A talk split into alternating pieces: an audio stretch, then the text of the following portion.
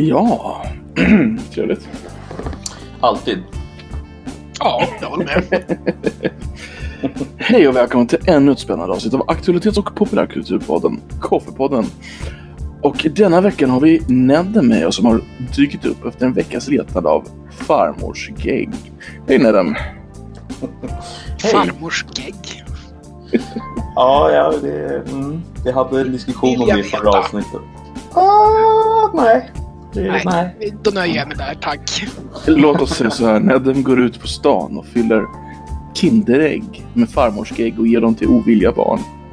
Tinderägg eller Kinderägg? Kinderägg! Inte Tinderägg då. Nej, Nej. nej. Nej, fy fan. Vi får ge, vi får ge Nedem en chans att svara först. Hej Nedem! Hej, hej.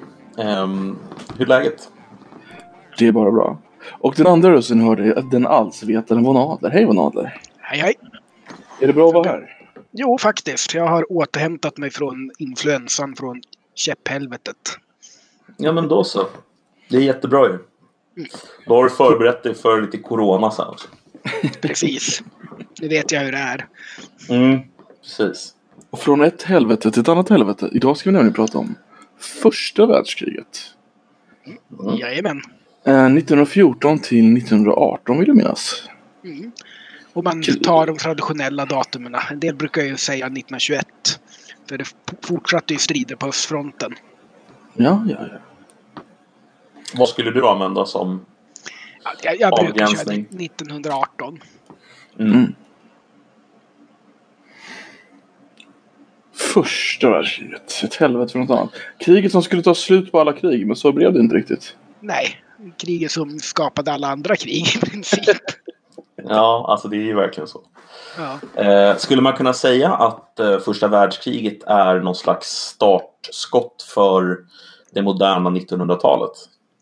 Ja, det skulle jag säga. Alltså, jag skulle säga att första världskriget är det första riktigt industriella totala kriget. Mm. Och det kommer jag komma in på varför det är så när jag pratar lite grann om vissa svårigheter som dök upp 1915. Eh, Mm. och där eh, matproduktion till exempel blev en livsviktig del av kriget. Okej. Ett Vi kommer komma in på det alltså. innan. Vad sa du? Det kommer bli väldigt intressant att komma in på matproduktion under, under kriget. Men vi kan, vi kan väl börja med varför blev detta kriget? Alltså vi har ju efter Balkankrigen då en ganska instabil situation på Balkan där alla länderna eh, sitter med kniv bakom ryggen och glor på varandra och letar en chans att ta rightful clay. Så, Så i, i, i, Bal- Polenboll med mig. så, så i Balkan är det olika Ja, länder som vill ha varandras mark?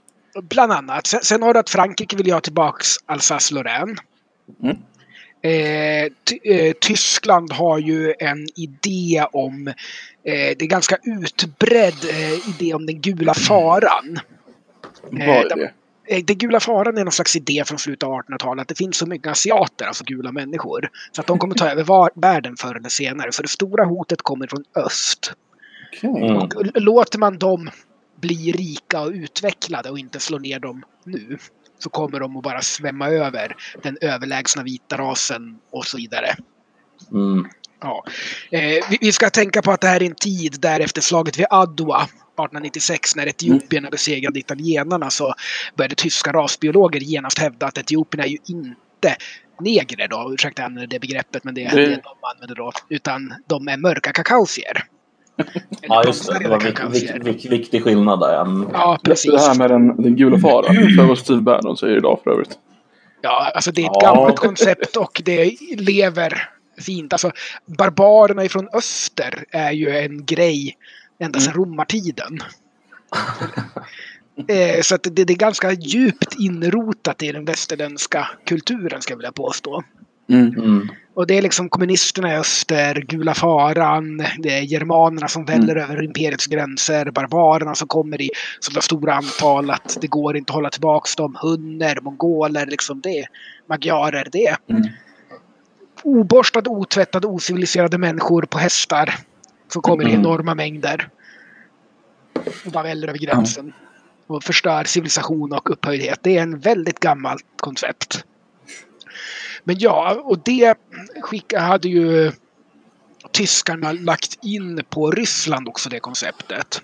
Och Okej. eh, under den här perioden så höll Ryssland på att bygga ut sitt järnvägsnät i ryska Polen och i västra Ryssland. Och de höll även på att expandera sin stående armé och sina omedelbara reserver. Mm. Eh, och tyskarna hade ju, eftersom Frankrike och Ryssland hade allierat sig i Ententen, Mm. eh, så hade ju tyskarna utvecklat Schlieffenplanen som respons till det.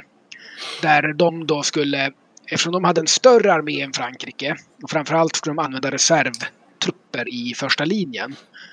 De skulle tänkte sig att de utbildar reservtrupperna så mycket att de kan användas i första linjen, vilket var helt nytt då. Mm. Eh, och eh, då slå till genom Belgien och Luxemburg och ta Paris innan Ryssland hann mobilisera ordentligt. Okej. Eh, och de här då planerna för eh, Ryssland när de bygger mer infrastruktur och expanderar sin stående armé eh, gör tyskarna nervösa därför att det ser ut då som att ryssarna kommer kunna mobilisera snabbare än vi har beräknat när de är klara med det här. Och då kommer vi inte kunna slå Frankrike innan Ryssland har mobiliserat. Och då Så det är någon två- slags, någon slags självuppfyllande profetia där med Schlieffenplanen då alltså? Ja, precis. Alltså, då, då, men även för att kriget ska börja. Tyskarna tror att om kriget börjar 1920 så kommer Ryssland ha byggt färdigt det här och då kommer de inte kunna vinna. Mm. Så när, kriget, när den här situationen uppstår så är Tyskland ivrig för krig. För de tror att om det ska bli krig så är de i en mycket bättre situation nu 1914 än de kommer vara 1920. Mm. Då, får- då får vi nog backa lite innan vi går in i själva kriget här. Eh, Frans Ferdinand, vem var det? Frans Ferdinand var brorson till kejsar eh, Frans Josef av Österrike-Ungern. Och Och han- tronföljare. Han tog en liten, eh, han tog en liten tur eh, ut i hände Precis. Det, vi ska, det finns ett par bakgrundsgrejer vi ska ta här. Alltså, eh, Frans Ferdinand var gift med en grevinna, Sofie. Och det var ett alldeles för lågt äktenskap för en tronföljare. Eh, Varför eh, var han gift med henne då? för att han eh, krävde det. Ja, ja. De, de, de hade ett faktiskt kärleksfullt äktenskap. De träffades, blev kära och ville gifta sig. Och han vägrade alla slags propåer på att det här inte är ett tillräckligt bra äktenskap rangmässigt. Så att, så att han fick gå med på att deras barn inte var med i arvstronföljden Oj. för att få gifta sig med henne. Och det var en ändlös räcka med förolämpningar och otrevligheter mot Sofie då för att hon hade för låg rang på alla bjudningar och allting. Eh, och det var en av anledningarna till att de var i Sarajevo. Mm. Därför att eh, Frans eh, Ferdinand var militärinspektör i Österrike-Ungern. Och reste till Sarajevo för att inspektera de österrikisk-ungerska trupperna i Bosnien. Mm. För att i den rollen så var hon, hans fru inte i för låg rang. Ja, ja, ja. Ja, så därmed kunde hon vara med på allting utan några som helst problem. Mhm. Så att han gjorde gärna en sån resa. Så det var därför de var där. Det är li- lite bakgrundsinformation. Eh, Men då åker de ner till Sarajevo. Var det eh, fristående eller vad nej? Sarajevo tillhör annexerats av... Eh, eh, de hade ockuperat 1877 när Ryssland och eh, Balkanligan slog Osmanska riket. Mm. Så, men så tror jag det var 1901 om jag minns rätt. Då kan jag ha fel, så de officiellt annexerade. Ja. Eh, Men de hade ockuperat det sedan 1877. Och det här var väldigt problematiskt därför att Österrike-Ungern hade ju en delad situation med det ungerska parlamentet och det österrikiska parlamentet och kejsaren. Och det Mm. ungerska parlamentet motsatte sig annexeringen.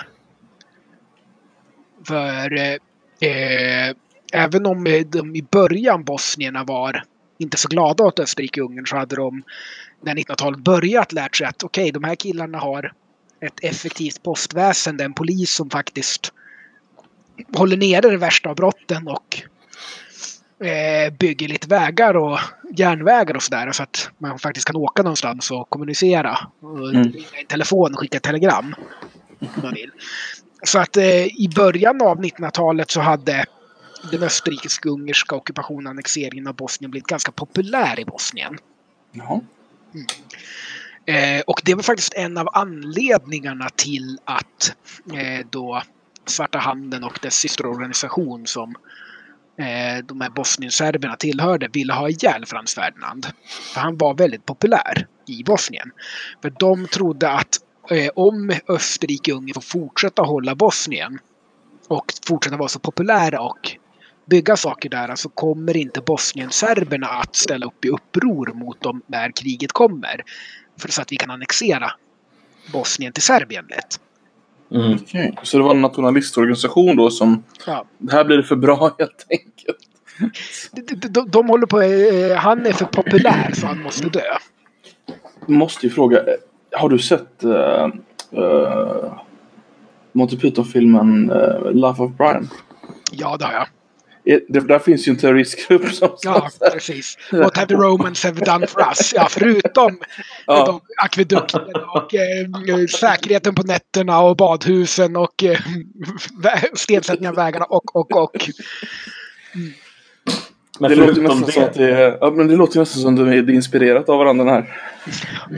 Alltså, Monty Python använder ju en del bakgrundsverklighet. Så. Ja. Okej. Men de... de eh, Ja, de, de har ju Yes. ihjäl, skjutit honom och hans fru. Och eh, enligt ryktet är hans sista ord, lilla Sofie, lilla Sofie, dö inte, du måste tänka på våra barn. oj då. Det var en man som älskar sin fru med andra ord. Nej, det var ju på tyska förstås. Sofia, Sofia, sterbe nicht, du musst doch auf unser Kinder denken. Okej, då, då, då finns ju ingen kärlek på tyska. Förlåt mig. Nej, precis. Det, det, ingenting låter kärleksfullt på tyska. hade det varit franska däremot, då jävlar. Ja, Då hade det precis. varit...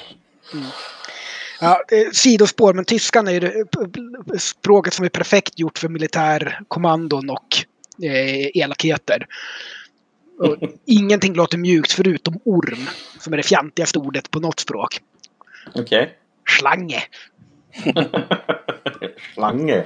Ja, medan Ja, fjäril liksom är jättekärleksfullt på alla språk. Liksom butterfly, papillon, fjäril, schmetterling. Ja, just det. Ja, mycket sidospår. I alla fall, de har ihjäl Fra- Frans Ferdinand. Mm. Och eh, eh, de blir arresterade då direkt. Och eh, eh, Vem blir arresterad? eh, hela gruppen som har gjort det här. Svarta handen. För att, eh, ja, det är inte svarta handen. Det är ju, de har försett den här gruppen med vapen och gett dem uppdraget. Men Okej. den här gruppen heter något annat. Jag kommer inte ihåg exakt. Det är ju Gavrilo Princip då som... Mm. Men vi, Gavrilo princip blir arresterad i alla fall. Det är det viktiga. Ja, och de andra också. Mm. Eh, och Princip ska det uttalas tydligen. Princip. Eh, och Unga bosnier hette tydligen organisationen. Ja, strunt samma. Eh, och eh, mobben försöker ju lyncha honom då. För de, han, fransärerna är ju populär. Och han missuppfattar det som att de försöker frita honom, så han försöker komma fri. Men... Eh, och det här är faktiskt förvånansvärt intressant att den österrikiska polisen är så pass effektiv att den fångar faktiskt alla konspiratörerna förhör dem på ett normalt sätt, tar fram bevis och så döms de i en helt vanlig domstol till fängelse på livstid för Mhm. mordet. Och Gavrilo Princip dör av tuberkulos i fängelset, för det hade han redan sedan innan och det var kanske inte de superhälsosammaste förhållandena. Men Mm. de hade ju räknat med att bli torterade och avre- summariskt avrättade, men det sköttes faktiskt relativt rättssäkert och efter en effektiv utredning. Men varför döms de inte till, eh, till dödsstraff om de har det i, i skalan? Jag vet faktiskt inte. De dömdes till livstidsfängelse. Okej. Mord och konspiration till mord. Sen, vilken, ehm, vilken polisenhet var det som, eh, alltså vilket lands polis var det som gjorde det? Det var österrikisk-ungerska polisen. Eller Österrike- österrikiska för att vara säker. För att, eh, eller, nej, de hade administrerade Bosnien gemensamt. Det hade inte anslutits till varken Ungern eller Österrike. Eller eh, Cisleithania och Transleithania. Som Mm. hette i officiell dok- dokumentation då. Cisleithania var Österrike och Transleithania var Ungern. Okej. Mm. Ja. König. Eh, och eh, då, eftersom de gör den här effektiva utredningen då och eh, så eh, får de ju också veta att de här har fått vapen av en person i den eh, serbiska generalstaben. Så Dragon eh, Dmitrijevic, Dragutin Dmitrijevic tror jag han hette. Mm. Överste i den serbiska generalstaben. Och därför ställer Österrike då så först frågar de Tyskland, stödjer ni oss i det här? Och Tyskland svarar med det som kallas den eh, blanka checken. Det vill säga, gör vad ni vill, vi kommer alltid stödja er. Eh, Oavsett vad ni gör kommer och vad, hur andra länder reagerar, inklusive Ryssland, kommer vi att stödja er. Och här, det här är ju en av anledningarna till att kriget bryter, bryter ut, just att tyskarna ger österrikarna sitt Mm. äh, helt oreserverade stöd. mm. Och det finns flera anledningar till det. Dels är Tyskland vid den här tiden i princip diplomatisk paria. Mm. Eh, därför att eh, eh, Wilhelm den andre, som vid den här tiden kallas Europas bredaste käft, för att han har en tendens att trampa i klaveret i diplomatiska sammanhang om och om igen. Och det finns ingen som har makt att säga åt honom att hålla käften. Ja. Det finns en klassisk historia från när de skriver på första Genèvekonventionen. Och har en eh, stor då bankett. Nu vet jag inte hur sant det här är, men det illustrerar det hela väldigt bra. De har en stor festbankett för det och Wilhelm den andre hamnar bredvid den pensionerade eh, hedersöverbefälhavaren för den schweiziska milisen eh, under den här middagen.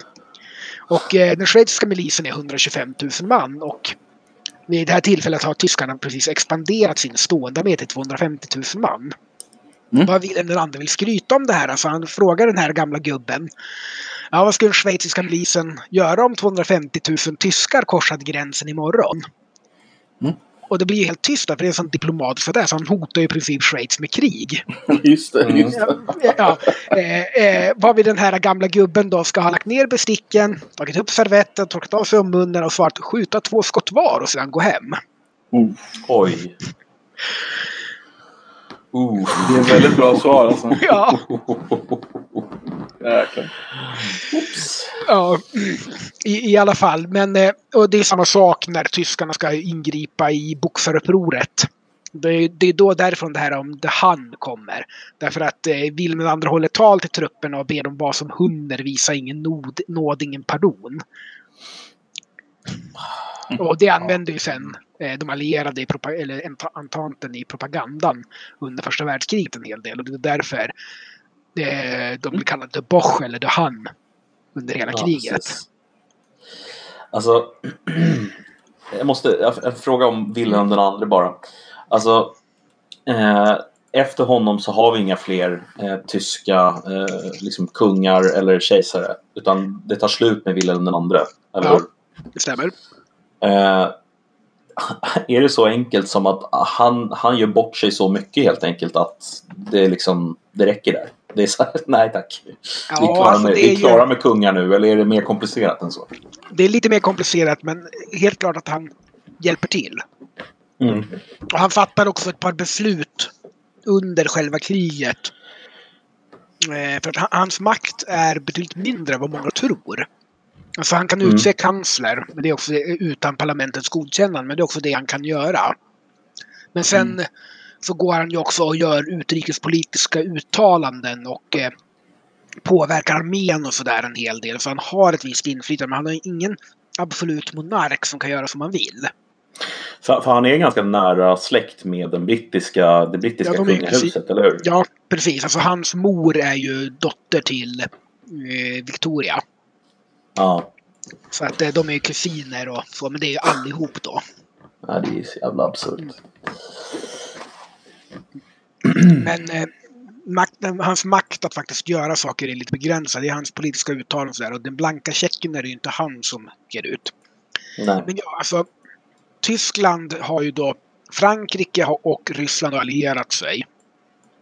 Och eh, Osmanska riket har ju eh, gått ner och eh, Tyskland har ju också byggt upp en flotta som hotar britterna, eller gör britterna sura. Så britterna har ju närmat sig sin ärkefiende Frankrike för att Tyskland utmanar dem. Det är alltså första gången någonsin någon har haft en flotta som har varit...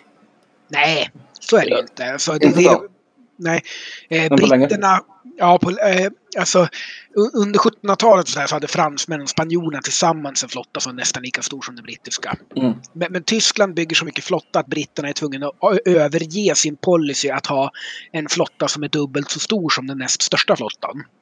Alltså. Eh, och får eh, gå till Eh, nej, förlåt, inte ens dubbelt så stor. Eh, större än de nästa två flottorna tillsammans har de. Som policy mm. fram till det är 1907 eller någonting sånt. Och de bestämmer för att nej, den näst störst flott, största flottan plus 70 procent istället. Mm. Mm. Fortfarande ganska stort. Ja, precis.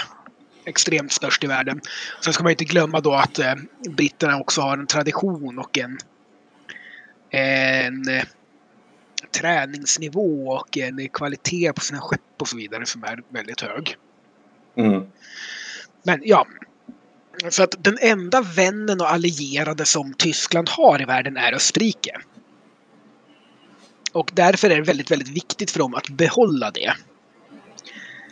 Eh, särskilt som Ryssland och den gula faran. Ryssland och Österrike är ju i ständigt bråk om Balkan och Osmanska riket och vem som ska få gräva upp bitarna där och så.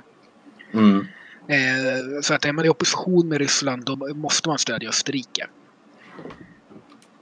Eh, så att, och därför ger de ju den här blanka checken också. För att, och, och det är också för det här att de har den här idén om att om kriget bryter ut nu kan vi vinna, men bryter ut om sex år, då är mm. Ryssland så starkt att vi inte kan vinna. Mm. Och det här är ju väldigt fel och det kommer jag komma in på lite senare. För att eh, Ryssland är vad man kan kalla en koloss på lerfötter. Mm. De har väldigt mycket befolkning och det ser väldigt bra ut men det är skit och ingenting i praktiken på, efter ett år. Men vi kommer till det. Yes. Så, så, vad som händer är ju då att eh, Österrike skickar ett ultimatum till eh, Serbien som i princip innebär att Serbien måste ge upp sin självständighet och låta Österrike ta över polisväsendet för att jaga alla där. Så Serbien eh, hörs ju efter hos Ryssland.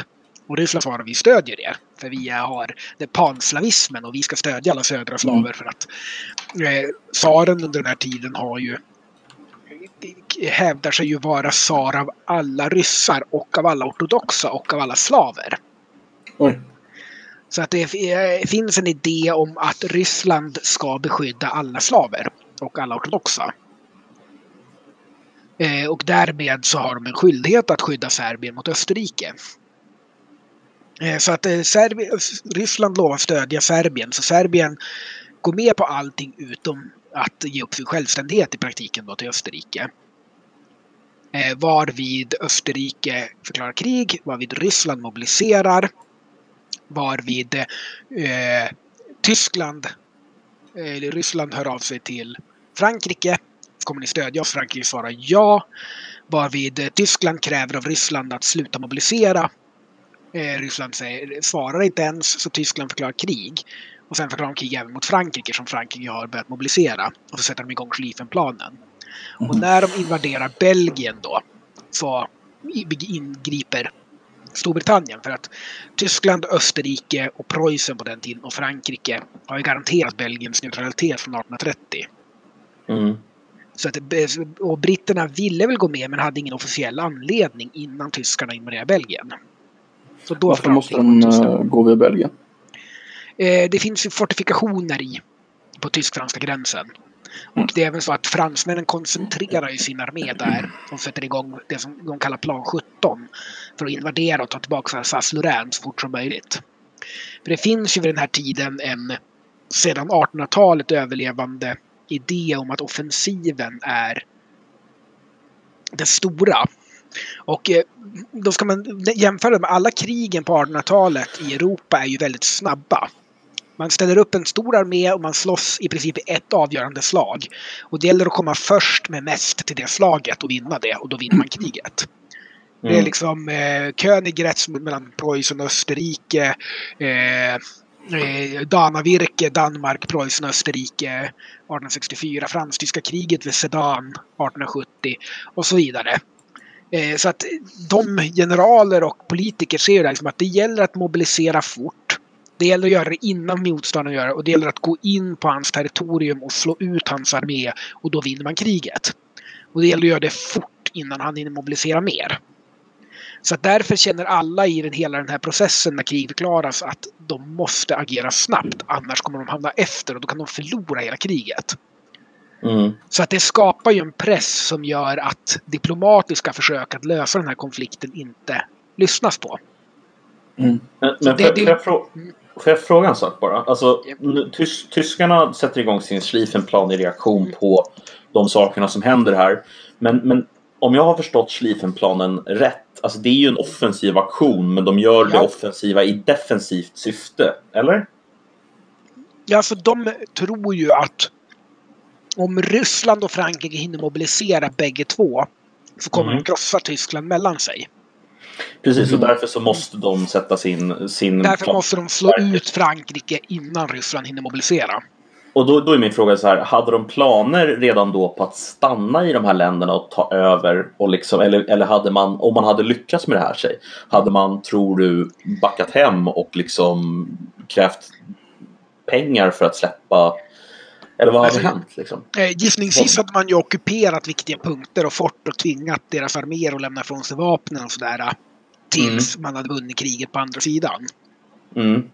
Eh, alltså exakt vad man planerade att eh, tvinga Frankrike till slags fred när man har slagit ut dem vet jag faktiskt inte. Jag bara tänker liksom, vad var, vad var, vad var liksom vad var segrarvillkoret för Tyskland? Det, gäll, det gällde ju att då gällde, det gällde att slå ut Frankrikes armé ur kriget. Mm. Ja. Så gissningsvis hade man haft att de ska demobilisera, de ska lämna ifrån sig artilleri och andra tunga vapen till Tyskland så att de inte kan använda dem. Kan man lita på en fri, eh, fredsöverenskommelse för den här tiden? Alltså, eller? Hyfsat! Mm. Alltså, det är ju... Man bryter ju inte mot en sån och att... eh, Och det kan man ju se senare när Hitler bryter mot en massa överenskommelser att det är oerhört och man, så gör man ju inte. Mm. Och det är ju delvis för att då blir man diplomatisk paria. Mm. Och då får man jättesvårt att handla, man får svårt att köpa vapen, man får svårt att få allianser och handelsavtal och så vidare. För att det är också en tid med väldigt höga tullar. Du sätter ju lägre tullar mot dina vänner. Mm. Så har du inga vänner så får, har alla höga tullar mot dig och du kommer få problem att exportera och tjäna pengar. Eh, och man kan se till exempel Serbien blev ju internationell paria 1903 när de gjorde en militärkupp och mördade sin kungliga familj. På ett väldigt, väldigt brutalt sätt. Man högg Mm. händerna av drottningen när hon försökte fly Oj. ut genom fönstret. Jaha, vilken, eh, vilken grupp var det som stod bakom det? Eh, jag vet, kommer faktiskt inte ihåg exakt. Alltså vilken ideologi då du... Ja, de var ju extremnationalister och eh, den Mm. kungliga familjen som då var österrikiskvänliga. I Ja, see. okej. Så att man satte en annan eh, ett, eh, del av ätten på tronen istället då. Men det gjorde ju att det var ingen annan än Frankrike som ville handla med Serbien. Så all, nästan alla tunga serbiska vapen var från Frankrike sen. Okej, men vi fortsätter. Vi... Tyskland har gått in i Belgien. Ja, och, eh, ja, precis. Och här ska vi ta en anekdot som är väldigt, Ja. väldigt bra. Mm. Därför att Tyskland går in med 36 divisioner i Hur mycket är det? i, eh, alltså en division är ungefär mellan 20 och 25 000 man Oj. Okej, okej. i, i Belgien då. Och eh, hela belgiska armén består av sex divisioner och en kavalleridivision. Så det är, de har ungefär 140 000 man mot de här, vad blir det, 700 000 Mm. som har marscherat in. Och eh, den tyska eh, ministern i Belgien, och för att det heter minister, inte ambassadör på den här tiden, det är bara stormakterna som är ambassadörer till varandra. Så att jag kommer att använda den historiskt korrekta termen, men går upp och begär audiens hos belgiska kung Albert och kräver att eh, belgiska armén ska dra sig ur vägen och låta Tyskland invadera Frankrike genom Belgien utan att göra motstånd. Mm. Va- Varvid kung Albert ska ha svarat jag styr ett land, inte en väg. Varvid då belgiska armén i Liège som har fortifierad position gör motstånd och håller upp tyskarna tills de får låna österrikiska Skåda haubitsar. Och skjuter sönder det här fortet för det är från 1870-80-talet så det tål inte sådana tunga artilleripjäser. Och marscherar vidare. Men den belgiska bara- armén fortsätter att slåss genom hela kriget. Och de fortsätter att hålla en liten, liten bit av Flandern, alltså sydvästra Belgien, genom hela kriget. Tappert. Mm. Får man väl säga. Och vi som har sett eh, unga Indiana Jones eh, vet ju att han tjänstgör ju i belgiska armén. Och Aha. får ju ta tjänst där.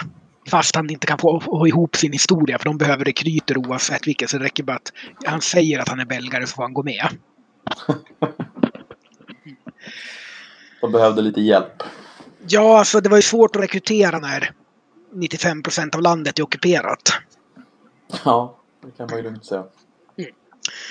Och så går ju tyskarna vidare då in i eh, Frankrike. Och här börjar de få problem som de inte har räknat med. Därför att Schlieffenplanen är gjord 1905 när arméerna är mindre. När man inte använder reservformationer i fronten.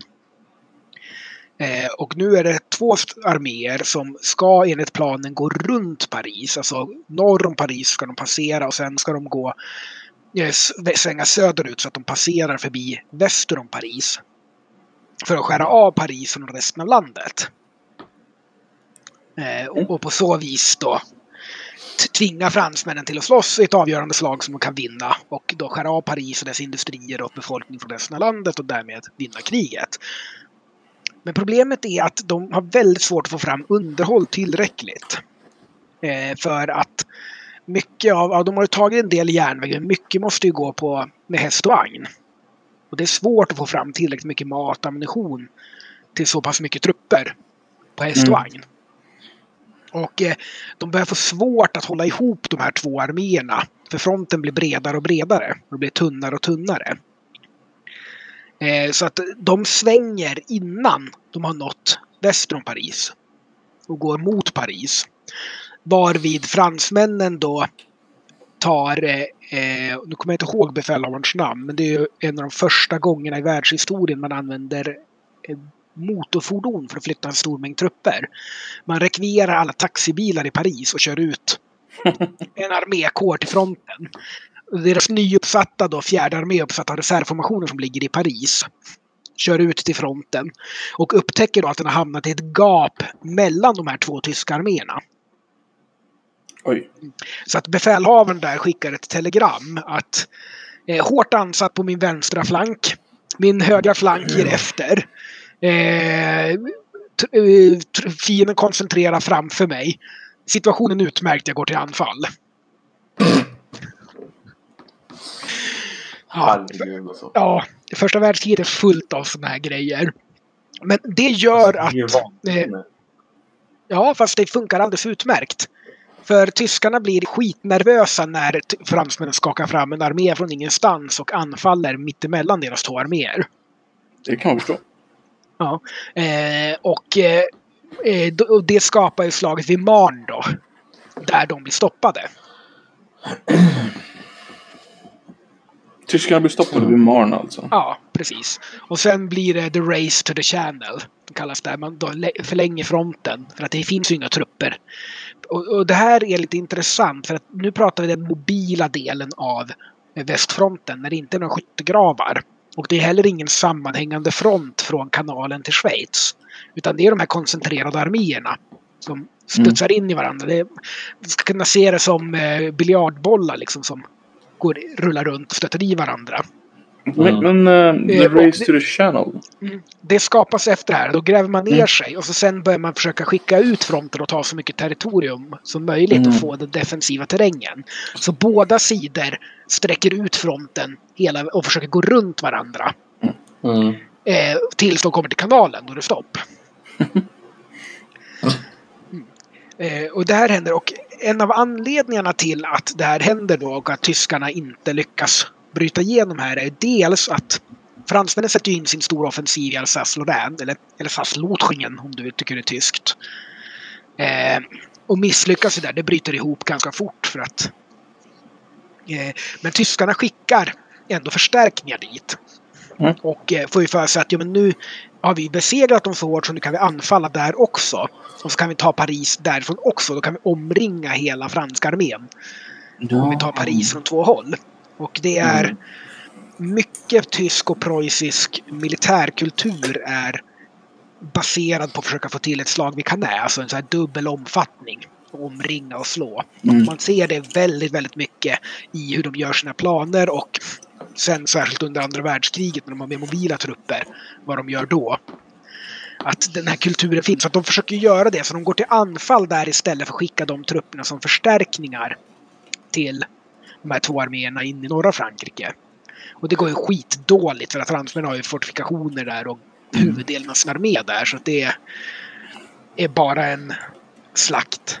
Så det är ett strategiskt misstag de gör. Men man kan också argumentera, hade de verkligen kunnat underhålla mer trupper i norra Frankrike? För som sagt, de har de här problemen med att det är svårt att få fram tillräckligt mycket mat och ammunition med häst och vagn. Mm. Får jag fråga en sak? Hur lång, hur, vet man ungefär hur långt den här fronten sen sträcker sig? Du säger att den sträcker sig hela vägen till den engelska kanalen som jag förstår Ja, det. Men Precis. hur långt, ner, hur långt ner i Frankrike sträcker den sig? Alltså sträcker Alltså, den den sig hela går ju vägen ner till... fransk-schweiziska gränsen till Mm. kanalen. Det är helt otroligt alltså. Ja, men är det en enda skyttegrav hela vägen som man skulle kunna gå? Eh, nej, inte på det viset. Alltså, du, man tänker lite fel om hur skyttegravar funkar om man tänker så. Mm. Eh, men det, jag ska komma till det och hur skyttegravarna utformas och hur de funkar. Men det kommer lite senare.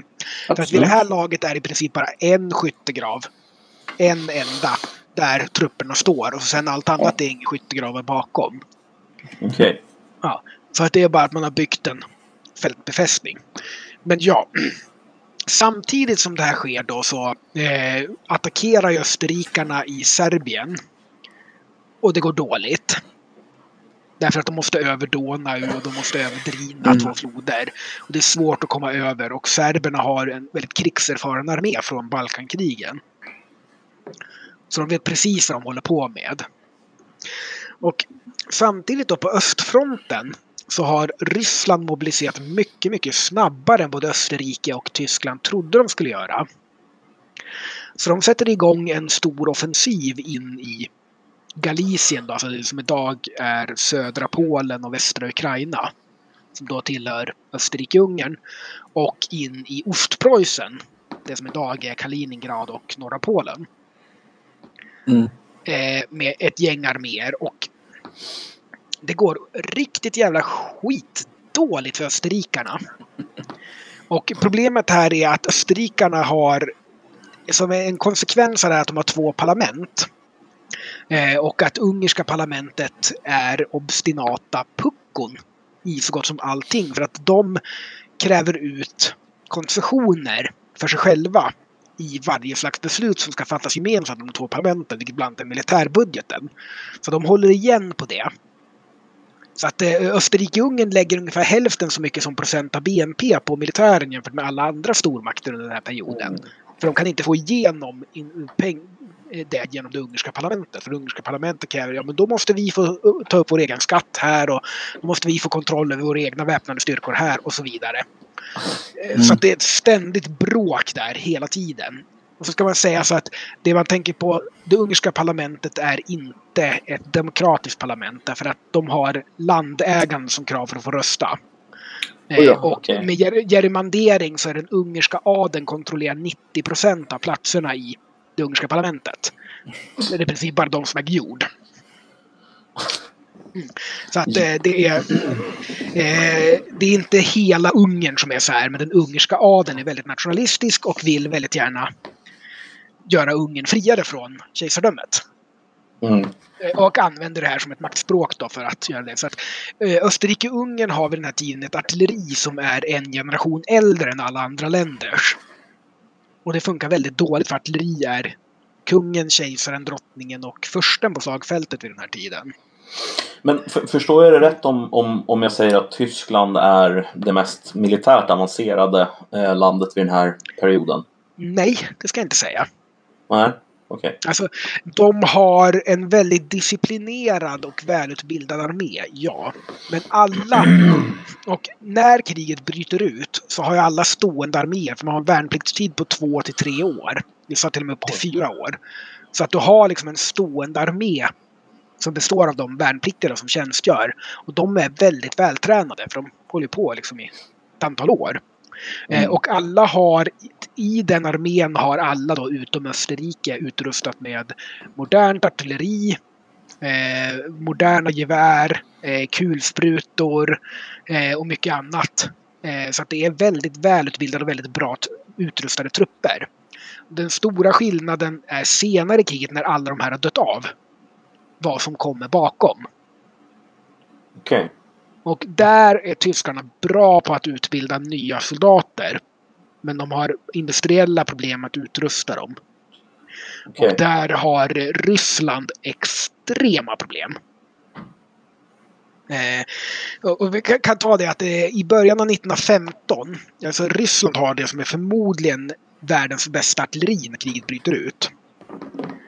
Jättebra kvalitet, skitbra designer, eh, rikligt med långskjutande tunga pjäser för att skjuta sönder fiendens artilleri med och kombinerat med snabbskjutande lättare pjäser för att dominera slagfältet och tunga haubitsar för att gräva upp befästningar och så vidare. Jättebra, men i början av 1915 är det ryska artilleriet begränsat till två skott per kanon och dag. För det Va? finns inte mer ammunition. Oj. Och eh, hela 1915 är ungefär en tredjedel av den ryska armén inte beväpnad.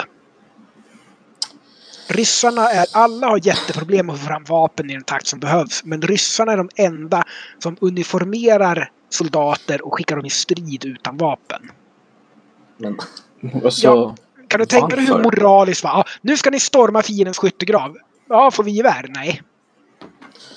hade de typ bajonetter åtminstone? Eller Ja, var det liksom... Ibland fick de bajonetter, men ibland fick de bara beväpna på slagfältet, ta en påk. Ja men vad fan, det är Ja. absurt. Och då kan man förstå att förtroendet för tsaren och hans regering gick ner lite grann.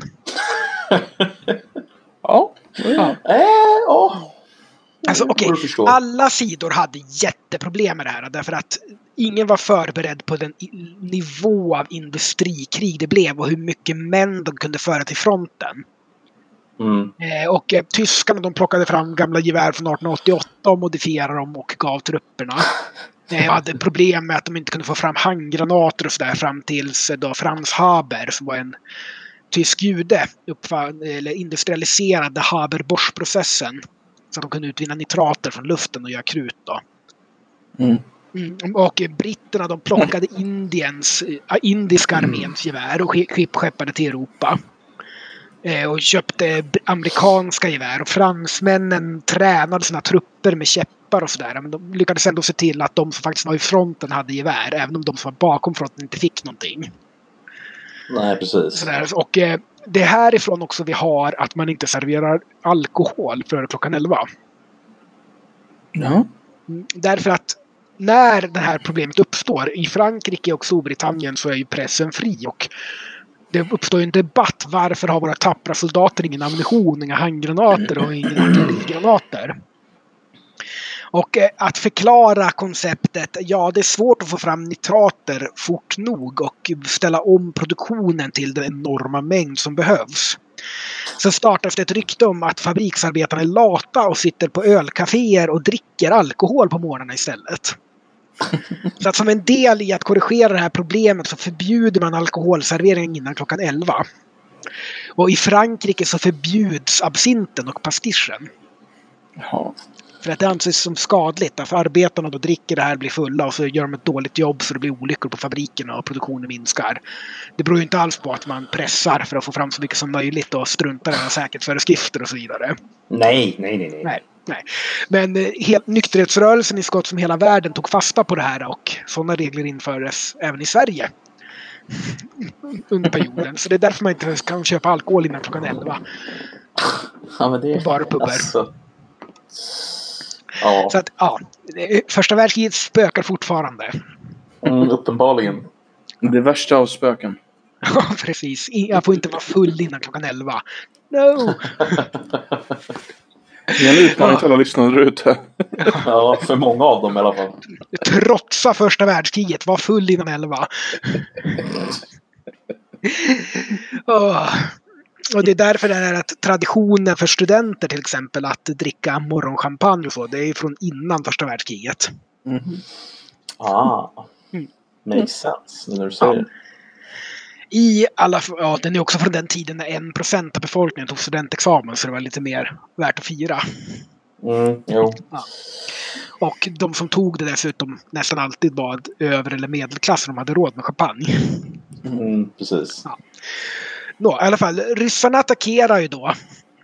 Och det går väldigt, väldigt dåligt för österrikarna. De förlorar så gott som hela Galicien, då, alltså södra Polen och västra Ukraina och trycks tillbaka hela vägen till Karpaterna. Eh, och deras stora fästning vid Przemysl. Przemysl. Svåruttalat ställe det. Eh, jag tror... Eh, nej, det är inte Lvov. Ah, strunt samma. Eh, blir omringad av hundratusen man där. Och de förlorar väldigt mycket av sin originalarmé på det viset. Men det gör ju även ryssarna. Och, men eh, tyskarna blir ju desperata nu för att eh, ryssarna anfaller ju mycket tidigare än de ska. För de skickar ju en del trupper från västfronten som ska behövas vid Marn till Ostpreussen. Där Hindenburg och von François som en kårbefälhavare då eh, skapar eh, fullständigt krossar två ryska arméer. De omringar och slår sönder dem fullständigt. Eh, och det är helt oväntat. Alltså det är en tysk armé som fullständigt krossar två stycken ryska. Alltså får jag fråga en sak om det? Är det, är det primärt då för att den ryska armén är så dåligt, eh, har så dåligt med liksom vapen och ammunition eller är det för Nej, att den tyska armén är så väl förberedd? Alltså här, här, här är det ju snarare för, alltså det är så stor skillnad i kvaliteten på ledarskapet. Mm. De ryska generalerna här driver inåt, in, i, djupt in i Ostpreussen för de vill ha ära och makt. Alltså. Och Mm. de skiter i att ja, telegraflinjer är ingenting man behöver. Oj. Mm, Så de kommunicerar inte med varandra de här två arméerna. Och de befälhavarna är rivaler också och tycker inte om varandra. Så även om de skulle kommunicera, när de kommunicerar så blir de inte om varandra. Eh, och eh, dessutom då von Rennenkampf som för befälet vid den ena ryska armén. Mm. Eh, han var eh, balttysk. Man undrar varför Ja. han har ett tyskt namn. Eh, eh, är inte helt kompetent. Okej. Så att eh, de blir helt enkelt utmanövrerade. Och, och det är ju det här fallet att vi har inte de här sammanhängande linjerna än i kriget. Utan det är, arméerna är som biljardbollar som rullar runt och då går det att omringa och slå sönder dem. Mm. Och det händer ju med de här två arméerna. Och det är ju... Tannenberg, slaget Tannenberg är ju... Man brukar säga så att tyskarna förlorade kriget vid Marn och förlängde det med fyra år vid Tannenberg. Oj. Jag håller inte 100% med om det, men det är ett vanligt citat. Så att nu har vi kommit till senhösten då, 1914 och man har börjat gräva Mm. ner sig. Eh, man har börjat få problem med att få fram vapen och ammunition i tillräcklig mängd. Eh, och man har börjat få ersätta de här stående arméerna man hade, för de har ju dött av nästan allihop. Men det är väl det som är det mest intressanta i första världskriget är att man börjar gräva ner sig. Det är väl det som egentligen är nytt. Nej, faktiskt Inte inte. Alltså Okej. skyttegravar har varit vanligt i Europa sedan 1600-talet. Okej? Alltså, vi belä- när, det, eh, när du har tillräckligt mycket trupper i ett område, när det blir så mycket eldkraft, så har man använt skyttegravar. Det är så här, när du har försökt ta ett fort så har du grävt skyttegravar runt och så har du grävt eh, löpgravar fram. Så du ska kunna avancera Mm. mot fienden och, fortet utan att behöva ta så mycket beskjutning. Så att när det är tillräckligt mycket trupper i ett område och de inte kan gå runt varandra eh, så har det alltid varit skyttegravar sedan 1600-talet i Europa. Så därför är det ingen som är överraskad över att det blir skyttegravar. Vad man blir överraskad av är oförmågan att bryta igenom dem. Ja. Och det har mer att göra med att det är så lätt att få fram förstärkningar. Eh, För att eh, flera gånger bryter man igenom skyttegravarna men man kommer inte längre. Därför att motståndaren kan flytta förstärkningar via järnväg. Nästan Mm. hela vägen fram. Medan du måste flytta ammunition, underhåll och förstärkningar över ingenmansland och skyttegravarna för att förstärka upp den här attacken. Mm. Så det går mycket fortare att få fram förstärkningar till försvaret än det gör till anfallet. Så du kan inte hålla det du tar helt enkelt? Jo, du, kan- du, du kan ju ta det, men du kommer inte längre. Så fort du har brutit igenom det första så har ju fienden förstärkningar där och så kommer du inte längre. För att du kan inte få fram förstärkningar lika fort som eh, försvararen kan. Mm, Okej, okej. Och det är det som är huvudproblemet. Ja, eldkraften med kulsprutor och artilleri och så vidare är också väldigt stort. Och, och det är sådär att fienden kan få fram artilleri och försvara mot din inbrytning. Men du har mycket svårare att få fram artilleri att hjälpa dig att fortsätta anfalla. Mm. Eh, så att det är det som är det stora problemet på västfronten. För de sätter igång flera stycken stora offensiver som kommer och bryter igenom de första eh, skyttegravarna då. Vållar fienden mycket förluster och sen kommer man inte vidare. Mm. Och man utvecklar ju olika, olika taktiker och olika sätt att tänka. Och, eh, men sen går de ibland åt helvete på grund av prestige eller idéer. Till exempel så här att tyskarna då att de skulle ha alla sina trupper i norra Frankrike och bryta igenom där. Men så gick det ju så bra i Alsace-Lorraine så då ville de försöka bryta igenom där också. Och det är många fall där prestige och inflytande hos vissa generaler eller att det går bra på vissa ställen gör att man försöker gå ifrån originalplanen eller det man har tänkt sig. Och det ser man samma sak vid Verdun till exempel där tyskarna då hade tänkt sig att de skulle göra en blixtoffensiv och ta de väldigt underbemannade franska forten. Och det gjorde de. Mm. Men det gick så bra så att man ville testa att fortsätta. Och så förlorade de 200 000 man när fransarna fått fram förstärkningar. Och sen förlorar fransmännen 200 000 man i att ta tillbaka de här forten som tyskarna hade tagit. Alltså. Ja, men originalplanen var att ta forten och så sen gräva ner sig och låta fransmännen blöda sig vita mot att ta tillbaka dem. Problemet var att det gick så bra så tänkte jag, men då pushar vi bara lite till så kan vi komma igenom och vinna. Så blir man överkrig, det som vi är bra på. Så. Men nej. Istället antal hundratusen döda och ingenting. Men alltså Battle of Verdun, eller man ska säga, slaget vid Verdun, alltså är det det mest liksom eh, blodiga slaget eller? Nej, som är väl ännu blodigare. Okej. Och räknar man eh, in, inklusive eh, fångar så är nog eh, Bruslov-offensiven värst. Okej. Antingen den eller Gorlis Tarnov.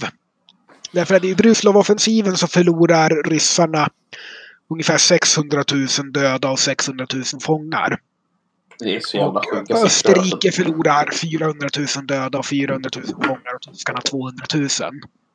Så totalt eh, så är det nog värst. Och som är värre än Verdun för att det är både britterna och fransmännen som går till attack mot tyskarna där. Bland annat Mm. för att tvinga tyskarna att dra tillbaka trupper från Verdun till Somme. Och det pågick i, den striden pågick åtta månader eller någonting med offensiver och motoffensiver. Så att det är över en miljon döda där. Mm. Så att, ja. Men så att dels gör man ju det här.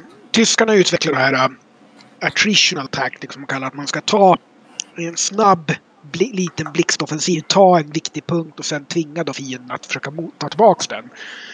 Och blöda och så mycket. Och så gör man det på ett annat ställe tills fienden har blött ut så mycket av sina trupper på att försöka ta tillbaka de här att man kan knäcka dem. Mm. Eh, Så det är ett tänkande de utvecklar för att rå bot på den här striden. De börjar även använda gas. Gör det vid Ypen första gången. 1915 när de drar sig tillbaks. Eh, man använder det mot de brittiska linjerna då för att paralysera dem så de kan dra sig tillbaka till en bättre försvarslinje för att de vill frigöra trupper för sin stora offensiv i öst. Med Gornes-Tarnov-offensiven. Eh, och här- då eh, i eh, man använder gas. Man bör också använda tungt artilleri och förberäknad artilleri. Eh, stormar. Där man kör då, laddar upp med ammunition och kör flera dagar. Så att man fullständigt slår ut förbanden i fronten. Tänker man för att de, de får inte sova. De blir utslagna. Så slår man ut vägar och eh, löpgravar och så här så det är svårt att förstärka dem. Sen ska man ta det här området och så ska man flytta fram artilleriet och göra det igen. Så man gör en slags grodhoppsgrej. Mm. Och låter artilleriet vinna och infanteriet bara ta terräng. Och det är en modell. Och britterna utvecklar ju, och fransmännen också, stridsvagnar. För ett sätt liksom att kunna bryta igenom den här frontlinjen och köra in på djupet då. Med Mm. enheter som för med sig sitt eget artilleri och sina egna förstärkningar som kan gå själva. Och det är ju stridsvagnarna är lite för omogna för att kunna uppfylla det helt. Men de sätter in 300 stridsvagnar i ett slag vid Cambrai 1916. Mm. Och tyskarna har ju inget svar på det men tyvärr är liksom eh, 200 av dem står still när dagen är över. För de har amerikanska problem så de kommer inte vidare. Och tyskarna upptäcker att fält, lättfältartilleri kan skjuta sönder de här. Man utvecklar granatkastare och eh, tyskarnas minenwerfer då för att infanteriet ska kunna lobba granater själva och ta med sig dem när de avancerar och kunna ha ett eget lättartilleri. Så det är också en modell man utvecklar för att kunna bryta den här situationen. Mm. Eh, kanadensarna utvecklar indirekt kulspruteeld. Hur då? Det säga att man eh, räknar ut och ställer in och så skjuter man med kulsprutor, alltså med vinkel. Så man kan svepa områden med kulspruteeld. Eh, och på så vis tvinga fiender att hålla sig nere då, så kan man bara avancera. För att ingen kommer ju titta upp och skjuta på en när det smattrar kulor runt en hela tiden. Mm. Eh, så de utvecklar alltså kulspruteeld som artillerield på en liten skala. Under det här och använder det väldigt framgångsrikt. Mm. Och man börjar använda flygplan och för att spana men även för att attackera och bomba eh, förstärkningar och stabsplatser och kommunikationsleder. Så att eh, det är ingen, inte så bara att man bara rusar upp och slänger mer män mot samma grej. Även om man testar det också. Men det är, som jag sa, det är fransmännen lider värst av det för de har en väldigt, väldigt offensiv kultur. Mm. Offense outrance, alltså offensiv till det yttersta. Och det dröjer till 1918 när Fock tar över innan de tar bort det. Och utvecklar det som kallas, eh, brukar kallas set piece battle. Där de då använder stridsvagnar, artilleri, flyg och infanteri i väldigt, väldigt noga uträknade steg. Så artilleriet skjuter sönder, så avancerar infanteriet, så tar de fram stridsvagnarna och tar det där. Och så, sen, och så har de det som också som kallas creeping barrage, där artilleriet skjuter vissa minuter på vissa ställen, så infanteriet kan gå precis bakom det. Och motståndaren kan inte anfalla infanteriet för det är artilleri emellan. Och slår ner hela tiden. Och det kräver ju väldigt noggrann planering och det blir fransmännen mästare på mot slutet av kriget. Mm. Så Det att låter de, rätt farligt också. Ja, det är farligt men när det är välplanerat så går det ju. Det är väldigt svårt att göra något svar på det. Mm. För det, och det funkade väldigt, väldigt bra mot tyskarna. Men eh, så det om liksom att man utvecklade taktiker och försökte en massa nytt och sådär. Eh, men hela tiden var, hade man det här problemet att det var, gick ju snabbare att föra fram försvar och förstärkningar än att föra fram offensiva grejer. Så i både, nord, eller i både östfronten och västfronten blir förhållandevis statisk då? Nej, väst, östfronten är aldrig lika statisk som västfronten. Mm. Dels för att den är mycket, mycket, mycket längre. Så det är mycket färre kanoner och män per kilometer där än där på västfronten. Makes sense. Så du får aldrig riktigt samma skyttegravssystem där. Det finns lite mer möjligheter att manövrera och göra saker och det utnyttjar tyskarna väldigt mycket. Mm. Eh, Så att när de gör sin stora offensiv vid Gorlestan av 1915 tillsammans med österrikarna då, så tar de tillbaks allting österrikarna har förlorat och fullständigt eliminerar hela den ryska armén i princip. Oj. Mm, alltså, ry- ryssarna förlorar tror jag en och en halv miljon man under den här offensiven. Och det är i princip all, hela deras armé de har i fält då. Eh, De ställer ju upp nya och sådär men eh, och Mm. Eh, det är i princip vintern och väldigt långa underhållsleder som stoppar tyskarna och österrikarna. De tar hela Polen. De tar tillbaka allting ryssarna tagit Vilket i år du? Österrike. 1915. 15, det är nog ganska tidigt i kriget. Eh, Och, det är ju det här med att ryssarna har jätteproblem med ammunitionen. De har jätteproblem med att få fram tillräckligt mycket gevär. Och det är delvis också för att de måste ersätta alla de har för de förlorar i sån hög takt. Och britterna köper ju japanska gevär och, ger till ryssarna. Mm. Och de säljer ju Sovjet sen till Spanska republiken. Det är väldigt intressant. 30-talet. Ja, sidospår. Eh, så att Eh, och vad man gör också är att man lockar med Bulgarien i kriget. Med löfte om att få serbiskt territorium. För att eh i oktober 1914 går ju eh, Osmanska riket med i kriget. Varför då? Där, ja, det här är ju komplicerat. Eh, delvis därför att eh, eh, tyskarna har rådgivare där. Eh, och det är också så att tyskarna har en, när kriget börjar, en, en lätt kryssare och en slagkryssare i Medelhavet. Göben och Breslau heter de.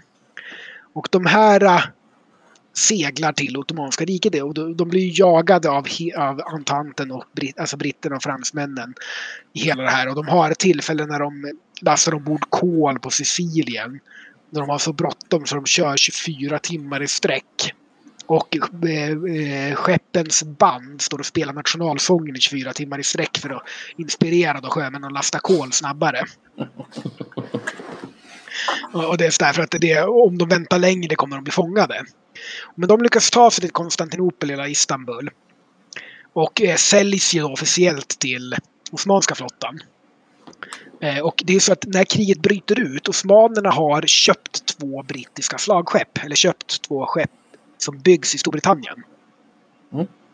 Och de här har delvis betalats av donationer av vanligt folk. Och en väldigt stor stolthet sådär att nu ska vi äntligen få moderna fartyg, nu kan vi utmana grekerna. Under Balkankriget har ju Grekland alla de här öarna de äger vid Turkiets kust. Mm. Och det är ju turkarna väldigt sura över.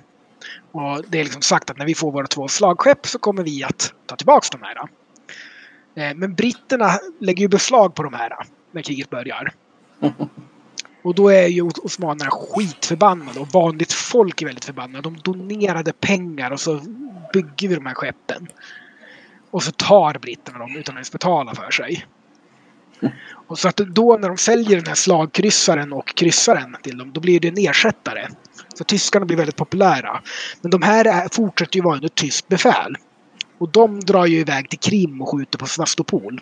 Fast under osmansk flagg. Okay. Så då provocerar de ju fram ett krig mellan Ryssland och Osmanska mm. riket. Mm. Men eh, osmanerna är faktiskt hyfsat. De har ju ett 20 000 man i Palestina. Och de här knatar i vad som borde vara omöjligt över Sinai-halvön och attackerar Suezkanalen. Oj. Oj. Och britterna skiter ju på sig. Ja, det är klart. Så de skickar ju, tror jag, totalt 300 000 man till Egypten. För att säkra Suezkanalen. eh, och de invaderar ju från Kuwait då. Osmanska Mesopotamien, idag Irak. Och marscherar ju upp då och tycker att det här ska ju gå bra. Så blir de omringade och tvingas kapitulera. Och det är faktiskt första gången man försöker underhålla trupper via luften. De skickar plan med som droppar ner mat och ammunition till de här omringade trupperna. Men det finns inte tillräckligt mycket plan så att det inte är tillräckligt så de får ju kapitulera. Mm. E- efter att desperat ha försökt muta den osmanska befälhavaren. Om att släppa dem, låta dem marschera hem igen. Engelsmännen. ja. Eh, och, och, då började ju eh, en strid då, vintern 1914 i Kaukasus. Som går väldigt, väldigt dåligt mot Och det är ju både ryssar och osmaner fryser ju ihjäl i tusental i snöstormar där och försöker slåss. Och det går väldigt dåligt för båda sidor. Men framförallt dåligt för osmanerna.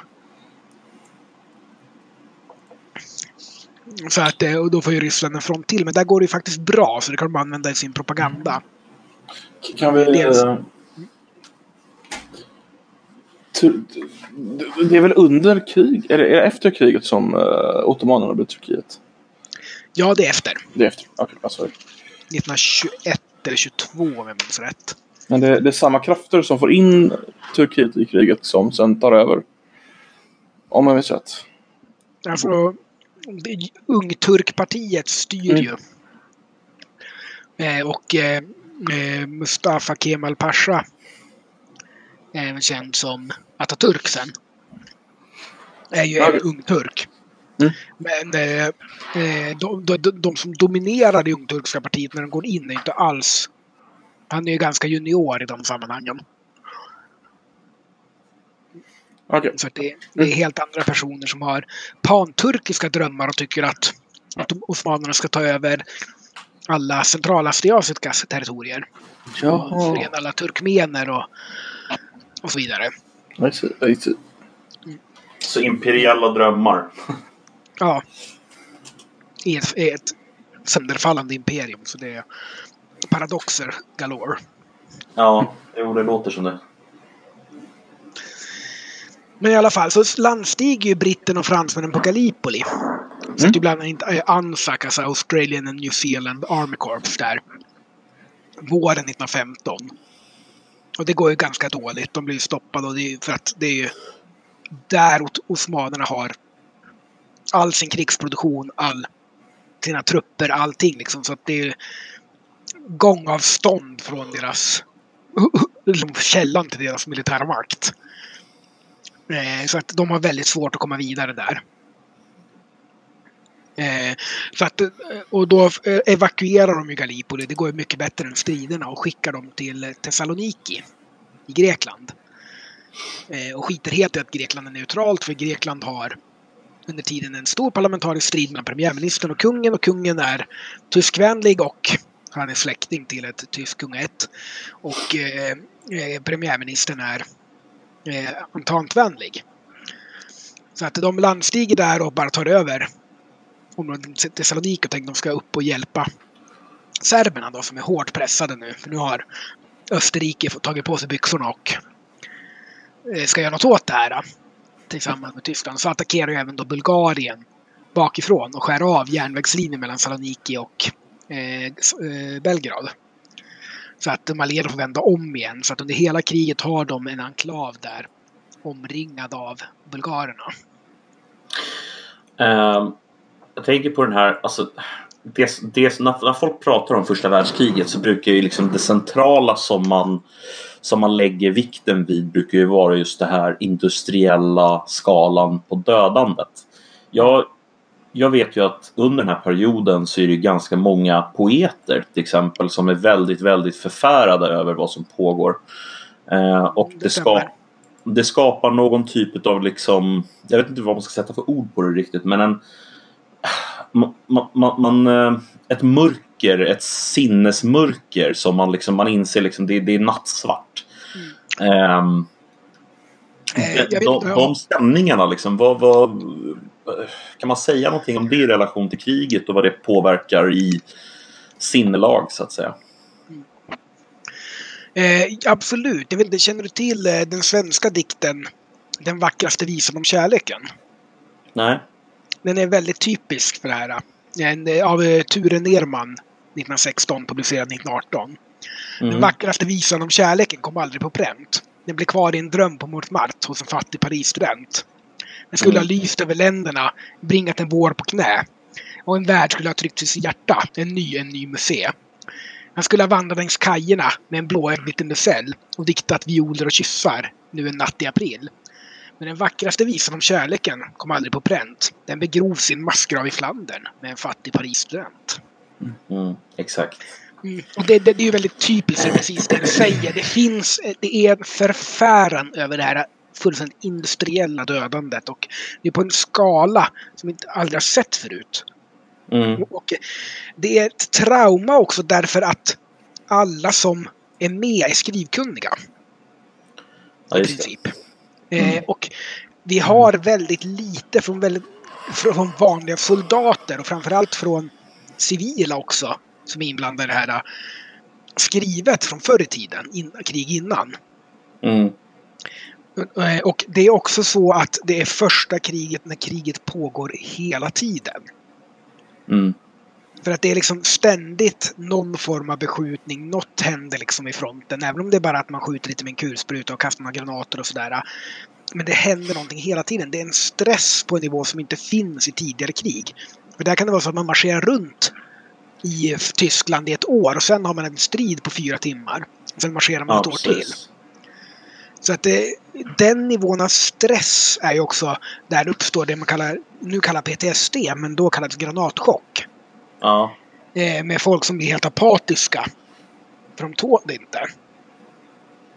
Och det är ett helt nytt koncept. Mm. eh, under första världskriget som man är väldigt förvirrad över. Man tror att det beror på att de har varit nära en granatexplosion och att hjärnan har blivit omskakad i skallen Ja. av lufttryck och sådär. Men eh, mot slutet av kriget inser man att det är på grund av stressen och de fruktansvärda förhållandena. Ja, för att alltså, alltså det som jag hela tiden tar med mig från de diskussioner som jag har läst och de böcker man har läst och sådär så är det här att alltså det här är en händelse som förändrar eh, i stor del förändrar vår syn på oss själva. Det håller jag med om. Absolut. Ehm, Det är också det första kriget när fler dör av fiendens granater och kulor än av sjukdomar. Så att det Mm. blir ju också en annan traum, ett annat trauma när man faktiskt dör i strid i mycket högre grad. Striden Men- blir ju mycket mer central. men, men hur kommer det sig att arméerna inte eh, gör liksom uppror mot sina, sina befälhavare? Det gör de ju. De gör det? Ja, det gör, gjorde ju alla arméerna. Okej. Alltså ryska revolutionen. Jo men den är jag med på men, men jag eh, tänker liksom Men även eh, franska brunnbjörnarna eh, efter Verdun när de vägrar attackera. Eh, österrikiska armén vägrade att strida vid Isonzo sista i 1918. Eh, de två ryska brigaderna vid fronten gör uppror. Man tvungen att sätta in deras eget artilleri mot dem. Det var två Oj. ryska brigader på västfronten. Och det, det är även mycket problem med många situationer där man skapar, vägrar anfalla eller vägrar att gå nära fronten. Och, eh, så att det, det, alla arméer har problem med att få soldaterna att lyda. Och Mm. i, alltså österrikiska, tyska och ryska arméerna gör ju revolt till slut mm, och vägrar att slåss mer. Så att, eh, och fransmännen var, de fick ju sätta in ganska mycket rödvin för att få igång armén igen. mm, Eh, och det var ju eh, Foch och eh, eh, Petins stora grej. Så för att fransmännen hade ju den här idén om att de ska vara på offensiv så de grävde inte riktigt lika extensiva skyttegravar och fokuserade inte riktigt lika mycket på bekvämlighet i skyttegraven som tyskarna och britterna gjorde. ja, Eh, så att deras förhållande var värre. Eh, och, eh, men vad de gjorde var då att förbättra det och framför allt att förbättra ransonerna och den mat som trupperna fick. Där fransmännen då fick väldigt lyxiga grejer till slut. Alltså, eh, trupper fick gåslever och rödvin i sina ransoneringspaket. Bland annat.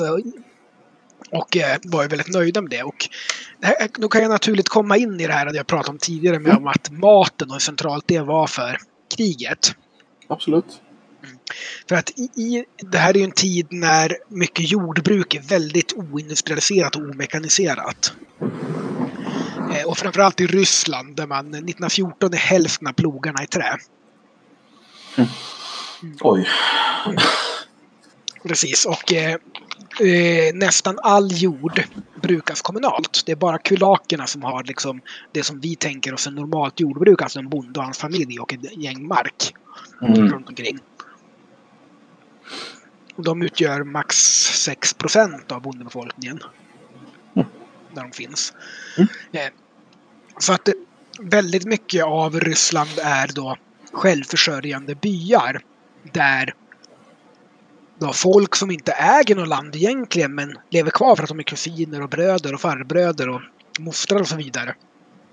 Jobbar men inte är så produktiva. Så att man producerar inget matöverskott för det går till de här grupperna som i andra länder har flyttat till städerna och blivit fabriksarbetare.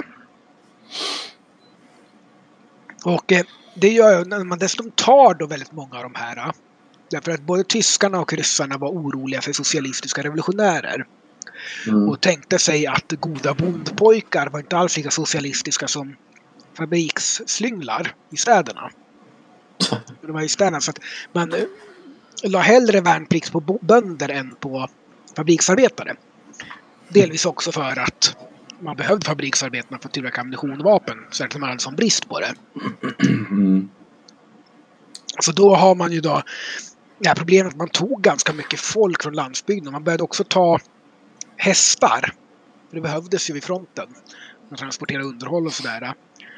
Som var mycket av transporten och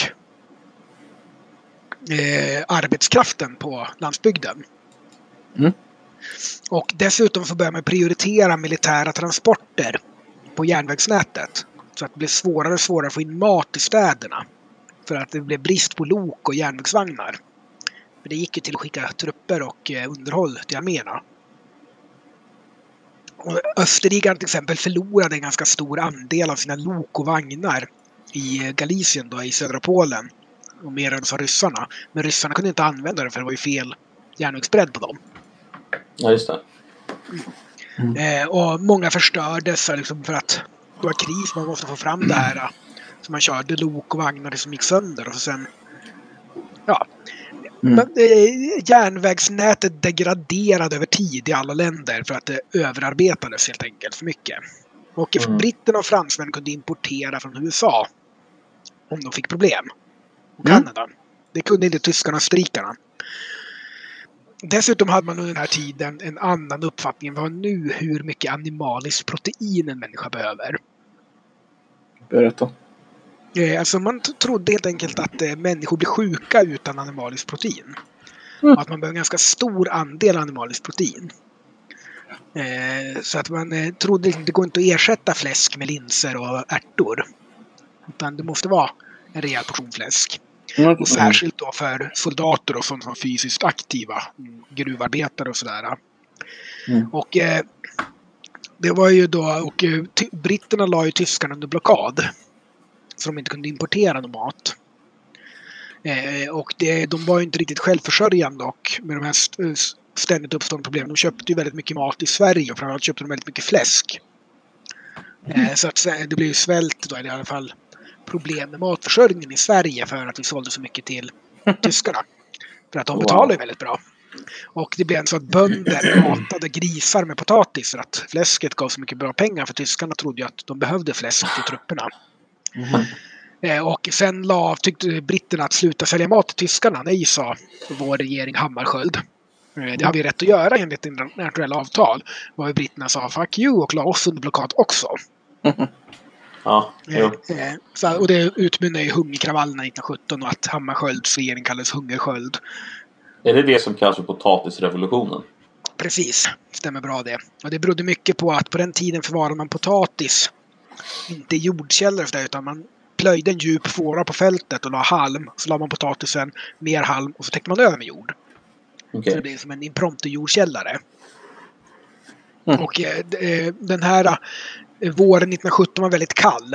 Och det var frysgrader väldigt länge och du kunde ta upp de här ur de här jordkäll, impromptu-jordkällorna först det var plusgrader. Men annars skulle de frysa och ruttna på vägen. Ah, Så det var svårt att få in potatis. Så hade man infört ransonering lite för sent. Så folk hade potatiskuponger men det fanns ingen potatis att köpa. Men de hade, det fanns bröd att köpa men de hade inga brödkuponger för de var slut. Man brukar väl säga att det var nära att vi fick en riktig revolution där. Det blev Ja, aldrig någon... Det genomfördes Det aldrig, men... Det stämmer bra, men det var Mm. väldigt nära. Man brukar ju kalla... Eh, eh, vad heter han nu igen? Eh, Stockholms polismästare. Precis. uh. Jag Som inte attackerade dem i slutändan, eller hur? Nej, nej, han brottade ner sin befälhavare och släpade in honom när han skulle signalera till polisen att attackera arbetarna. Så var det ja. Kommissarie Kempe hette han och polismästare Tam. Mm, just det. Just det. Eh, Så, men ja, vi är framme vid... Eh, vi har den här stora offensiven Gorlis-Tarnov då och så sen försöker ju då eh, ryssarna dessutom göra en stor offensiv både 1915 och 1916 i Ostpreussen men det går jätte, jättedåligt. mm, Eh, sen går Italien in i kriget för att när eh, Przemysl då våren 1915 faller eh, så ser det ju, och, eh, ser det ju väldigt, väldigt dåligt ut för Österrike. Alltså, de har förlorat 100 000 man i Przemysl, de har förlorat 400-500 000 man i södra Polen och de har inte lyckats slå ner Serbien. Så att, det, och dessutom har då eh, britterna och fransmännen landstigit i Gallipoli så det ser ju ut som liksom Ententen kommer vinna kriget snart. Mm. Så att Italien bestämmer sig för att nu ska vi vara med.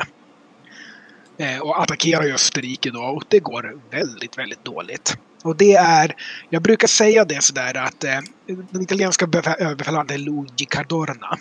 Jag vet inte om jag uttalar det 100% rätt, men ja. Eh, och eh, eh, han attackerade nio gånger på samma ställe. Oj. Eh, vid Isonzofloden då. Norr om Venedig. Eh, och jag brukar säga det så här att om du känner dig dum så har du i alla fall inte attackerat nio gånger på samma ställe med samma resultat. Alltså. Hur många män förlorade han totalt? Vet man det? Ungefär. Ja, ett par miljoner tror jag totalt. Oj, oj, oj. Sånt där, en, och- en, en och en halv miljon någonting.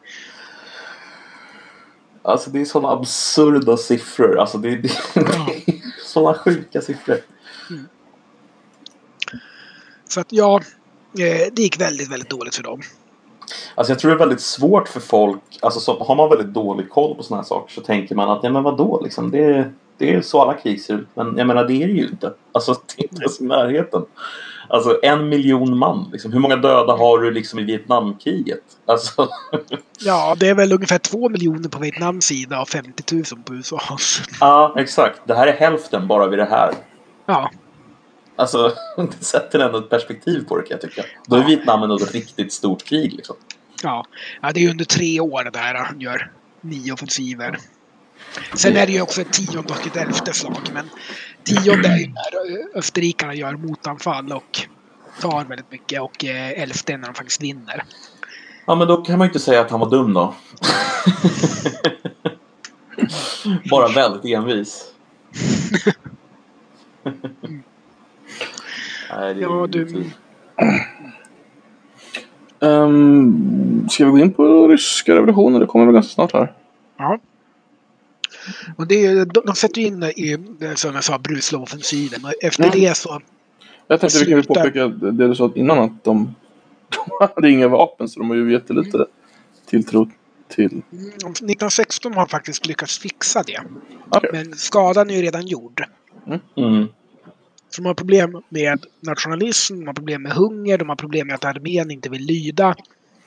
De har problem med att de har förlorat så mycket. Och det här är ganska typiskt för den här tidsperioden. Att I auktoritära länder så bygger statens legitimitet väldigt mycket på arméns prestige.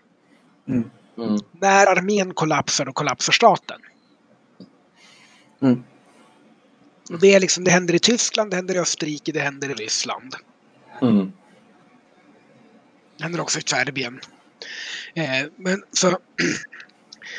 Och då får de ju kravaller och tsaren avgår. Och de försöker sätta in en sista offensiv med de bästa trupperna. För att britterna och fransmännen då som levererar väldigt mycket av den ammunition och vapen som de behöver. Och mat och annat underhåll och så vidare. Pressar ju den nya regeringen, Kerensky-regeringen, att vara kvar i kriget. För de vill ju verkligen inte att Ryssland ska lämna kriget. För då blir det väldigt jobbigt för dem. Mm. Så... Eh, så att eh, de säger, säger ja, vi ska vara kvar. Och då lovar de Ententen då att leverera vapen, ammunition och sådär. Och så ska de sätta igång en offensiv. Och då tar de ju de bästa och mest lojala enheterna som finns kvar. Och samlar dem och sätter igång en offensiv som går dåligt. Mhm. Eh, och sen är, finns det i princip ingenting lojalt kvar i armén. Ja, de utraderar ju det sista i den här offensiven. Mm. Så då har ju februarirevolutionen och sen kommer ju oktoberrevolutionen då bolsjevikerna tar över. Mm. För, och det är roligt sidospår. Lenin, tyskarna låter ju Lenin åka genom Tyskland från eh, Schweiz. Sen åker genom Tyskland, sen åker han ju genom Sverige. Mm. Och eh, en väldigt, väldigt roligt sidospår då att eh, då har vi ju vänster Socialdemokraterna eftersom sossarna har splittrats 1917 över det här med hungerkravallerna. Mm. Och vänster Socialdemokraterna samlar ihop pengar till Lenins resa. Och frågar bland annat då krigsministern, konservativa Åkerman, om han vill bidra till Lenins resa. Eh, och Åkerman säger nej. Vad man frågar sig han hellre att Lenin är kvar i Sverige. Varvid Åkerman tog fram plånboken och bidrog med 100 kronor. med sur min. Ja, det kan man förstå. Så Ehm, Lenin reser idag från eh, Trelleborg till eh, Stockholm.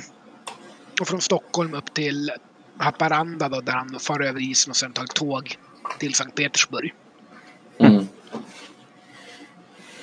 Och han har varit aktiv revolutionär ända sedan tidigt 1900-tal, va? Är det inte så? Ja, jo, det är det ju.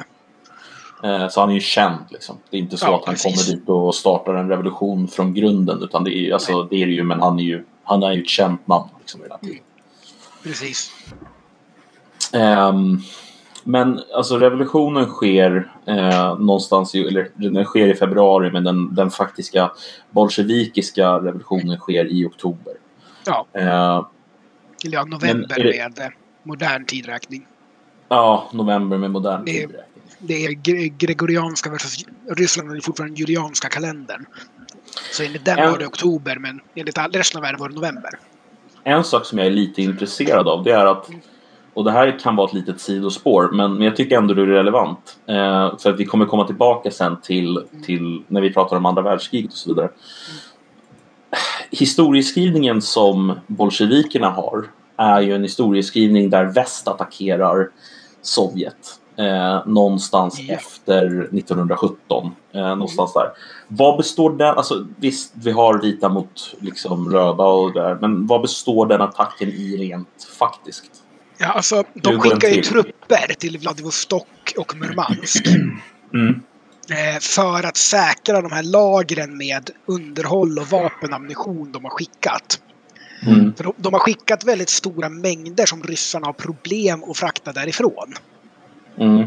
Så att eh, när de sätter in den här sista offensiven på sommaren 1917 så har de problem med vapenammunition. Men det finns jättemycket vapenammunition både i Vladivostok och Murmansk. Men de har inte tåg nog och järnväg nog att få det därifrån. Och de här lagren vill ju inte Antanten ska falla i bolsjevikernas händer. Nej, precis. Så de skickar trupper då för att säkra och ta de här hamnarna. Och börjar sedan avancera söderut och försöka samarbeta med de vita. För att de vita vill eh, ta tillbaks territorium från centralmakterna. Tyskland Mm. och Österrike.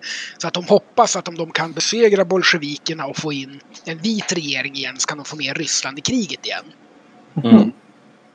Så att de, eh, och de seglar ju även efter då för slut in i Östersjön och eh, försöker attackera Kronstadt och den eh, ryska flottbasen där för att försöka slå ut den eh, bolsjevikiska flottan så att den inte ska vara ett hot. Men det finns ju en fruktan då om världsrevolutionen och att Sovjet ska stödja de revolutionära rörelser som pågår då i Bayern och i Berlin och i eh, Ungern och så vidare. Mm. Eh, och då det, anser man att det är en bra idé att slå ut den bolsjevikiska flottan så att de inte kan segla i- iväg och hjälpa till. Mm. Så att britterna försöker ju anfalla då med torpedbåtar och flyg och ubåtar. Bolsjevikiska sjömännen i Kronstadt och flottan där. Så att ja, de tar över territorium i Vladivostok och så vidare. Sen stödjer man ju också bland annat den tjeckiska legionen och det är ju eh, ett eh, historiens mer intressanta anekdoter. Det är österrikisk-ungerska krigsfångar från Tjeckien och Slovakien Mm. som då när sovjetiska staten kollapsar finner sig utan fångvaktare och lägger beslag på lite vapen och sådär och vill ju hem då. För nu har ju Tjeckoslovakien bildats efter första världskriget. Mm. Eh, och lägger beslag på ett pansartåg och eh, med det kontrollerar de centrala Sibirien. Eh, och blir då helt plötsligt, eftersom de är tränade soldater och sådär och har vapen och ett pansartåg och kontrollerar järnvägen, blir de den mäktigaste makten i centrala Sibirien. Så att eh, Antanten och de vita eh, försöker ju bägge liksom få dem gå med här och de vill ju bara åka hem. Så till slut kommer man överens om att de ska bege sig österut till Vladivostok och slå sig igenom då sovjetiska förband på vägen. Så ska eh, Antanten skick- skicka hem dem. Ja. Eh, Så att, ja, de är en helt egen fraktion i det här inbördeskriget. Som ett tag är mäktigast i Sibirien. Ja, är... Men liksom, hur, hur tar det här slut? Alltså, det, det, det, det slutar med att man, man måste ta sina, sina arméer därifrån och sätta in dem i väst igen? Eller vad, vad är det som gör Nej, att alltså, man de är ju liksom... kvar till efter första världskriget är slut. Mm, Vad, vad som händer är att vita sidan förlorar. mm, Och eh, bolsjevikerna blir starkare och starkare och man är ju väldigt krigströtta hemma. Det är ju ingen som vill invadera Ryssland och slänga bort en bolsjevikregering. Vi, vi har redan förlorat ett antal miljoner man. Det är ingen som vill börja försöka erövra ett nytt land. nej, man är rätt Eh, trött. så så man, man, man tar sina förråd och seglar hem helt enkelt. Okej. Ja. Men Japan försöker ju- också... i öst, Ja. Nej, säg. Japan försöker också ta territorium intervera i öst. Och sen har du ju också en av historiens mer intressanta eh, baron Ungern von Sternberg som tar över Mongoliet och skapar en slags protonazistisk, extremt antisemitisk galenskapsmonarki där han hävdar sig vara Djingis khan återfödd och ska erövra Ryssland åt den vita sidan då och mörda alla judar när han ändå är igång. Ja, Det kollapsar ju ganska fort då, men det är också Ja. fullständigt galenskap. Ja, mycket av det här är anledningen till att de vita vin- äh, förlorar inbördeskriget är att många av de vita är ju gamla konservativa ryska nationalister. Eh, Ja. Och bolsjevikerna är ju bra på att de erkänner att Estland, Lettland, Litauen, och Finland och Polen är fria. Och därmed skiljer de deras nationalistiska rörelser åt från den vita sidan då som säger att nej, ni tillhör Ryssland och vi kommer komma tillbaka och ta tillbaka er. Mm. Så att eh, de vita i Vitryssland får ingen hjälp av Polen. För att de eh, säger att vi kommer att återerövra Polen snart. Mm. Men ja, i alla fall, Ryssland kollapsar. Och så då tar ju eh, Tyskland sina trupper, mycket av trupperna därifrån, inte alla men en del, och beger sig västerut. För nu har ju USA gett sig in i kriget. Eh, och Tyskland inser att de måste slå ut Men- Frankrike. Varför går USA med i kriget? Eh, det är en kombination av orsaker. Dels är det upprördhet över tyska sänkningar av fartyg. För tyskarna har ju förklarat totalt ubåtskrig. Okej. Eh, och eh, sänker alla slags fartyg på väg till Storbritannien och en hel del av dem är amerikanska. Och man har även lyckats i en, en rejäl fadäs 1915 sänka passagerarfartyget Lusitania. Det dör 134, om jag minns rätt, amerikanska medborgare. Där. Och det blir amerikanerna skitsura över. Sen har också amerikanerna lånat ut väldigt, väldigt, väldigt mycket pengar till britterna och fransmännen. Och det blir så där att om de förlorar så kommer vi inte få tillbaka pengarna. Så att de är så att det skyddar sin investering lite grann också. Ja. Men ubåtskriget, Lusitania och skyddar sin investering. Så de går ju med i kriget. Och eh, tyskarna inser då att eh, på, till sommaren, hösten 1918 kommer det finnas en miljon amerikaner i Frankrike. Så de måste slå ut, ta en stor offensiv och slå ut Frankrike och britterna i Frankrike innan dess. Mm. Så de sätter igång då ett gäng offensiver på våren och nu har de ju lärt sig väldigt mycket. Och de har utvecklat det som kallas Stosstruppen-taktiken. Där de skickar små grupper av tungt beväpnade trupper med lätta kulsprutor och de första k-pistarna faktiskt. Som får infiltrera och attackera utan förberedelser. Och sen bara gå på djupet och lämna skyttegravar och trupper bakom sig och sådär. Och ge sig på artilleri och underhåll och sådär bakom fronten. Och så får andra trupper ta över det de har passerat. Mm. Eh, Så att de stannar inte utan går vidare. Och det här är ny taktik tillsammans med bra artilleritaktik som når väldigt stora framgångar. Det låter nästan som så proto-blitzkrig typ. Ja, det är alltså Blitzkrieg är ju byggt på det. Så att det är absolut. Eh, Det är en klar linje mellan tyskarnas taktik i slutet av första världskriget och Blitzkrieg. Mm. Så absolut, det är en helt korrekt observation. Ursäkta mig, jag måste dricka lite. Jag börjar bli torr i käften. Jag pratar jävligt mycket idag känner jag. eh, och, Det är mycket eh, att säga om första världskriget kan vi lugnt säga. Precis. Eh, ändlöst adlerprat. B- byt namn på podden till det. Koffepodden nu med ändlöst adlerprat. Ja, så de sätter ju igång ett gäng offensiver och kommer ju väldigt långt och erövrar väldigt mycket. Mm. Tills de får slut på resurser i princip. Och så sen sätter ju då framförallt fransmännen, men även britterna och amerikanerna i det som kallas 100 dagars offensiven. När fransmännen då Mm. perfekterat det här set piece battle-strategin och driver tillbaks tyskarna allting de erövrade under våren och sommaren och mer därtill. Mm. Och eh, i det så kollapsar, det börjar bli matbrist och revolutioner i Tyskland, upplopp eh, och problem att frakta mat till städerna. Och arméns disciplin börjar krackelera. Den börjar kollapsa. Så att Hindenburg och Ludendorff då, som är i praktiken militärdiktatorer i Tyskland då, och har Mm. prioriterat med offensiven så mycket, säger då till regeringen att nej, armén kan inte kämpa mer, den kommer kollapsa om det här pågår hundra dagar till. Och dessutom behövs armén hemma för att slå ner de här revolterna. Så att slutfred nu på vilka krav som helst. Mm. Alternativet är liksom... Det här går kollaps. Ja. Eh, och det här mycket av, i och med att de stod ju fortfarande i Frankrike och hade fortfarande Belgien erövrat och hade ju besegrat Ryssland och de hade erövrat Rumänien också. Det har vi helt missat att nämna. Men Serbien och Rumänien är ockuperade. Man har slagit ut Ryssland. Eh, man har tagit mycket territorium och försvagat Italien så att britterna fram kan skicka trupper dit. Och man Mm. står fortfarande ganska en bra bit in i Frankrike och har hela Belgien. Så att, eh, men armén håller på att kollapsa. Men för civilbefolkningen hemma som får en väldigt hårt censurerad bild av hur kriget går.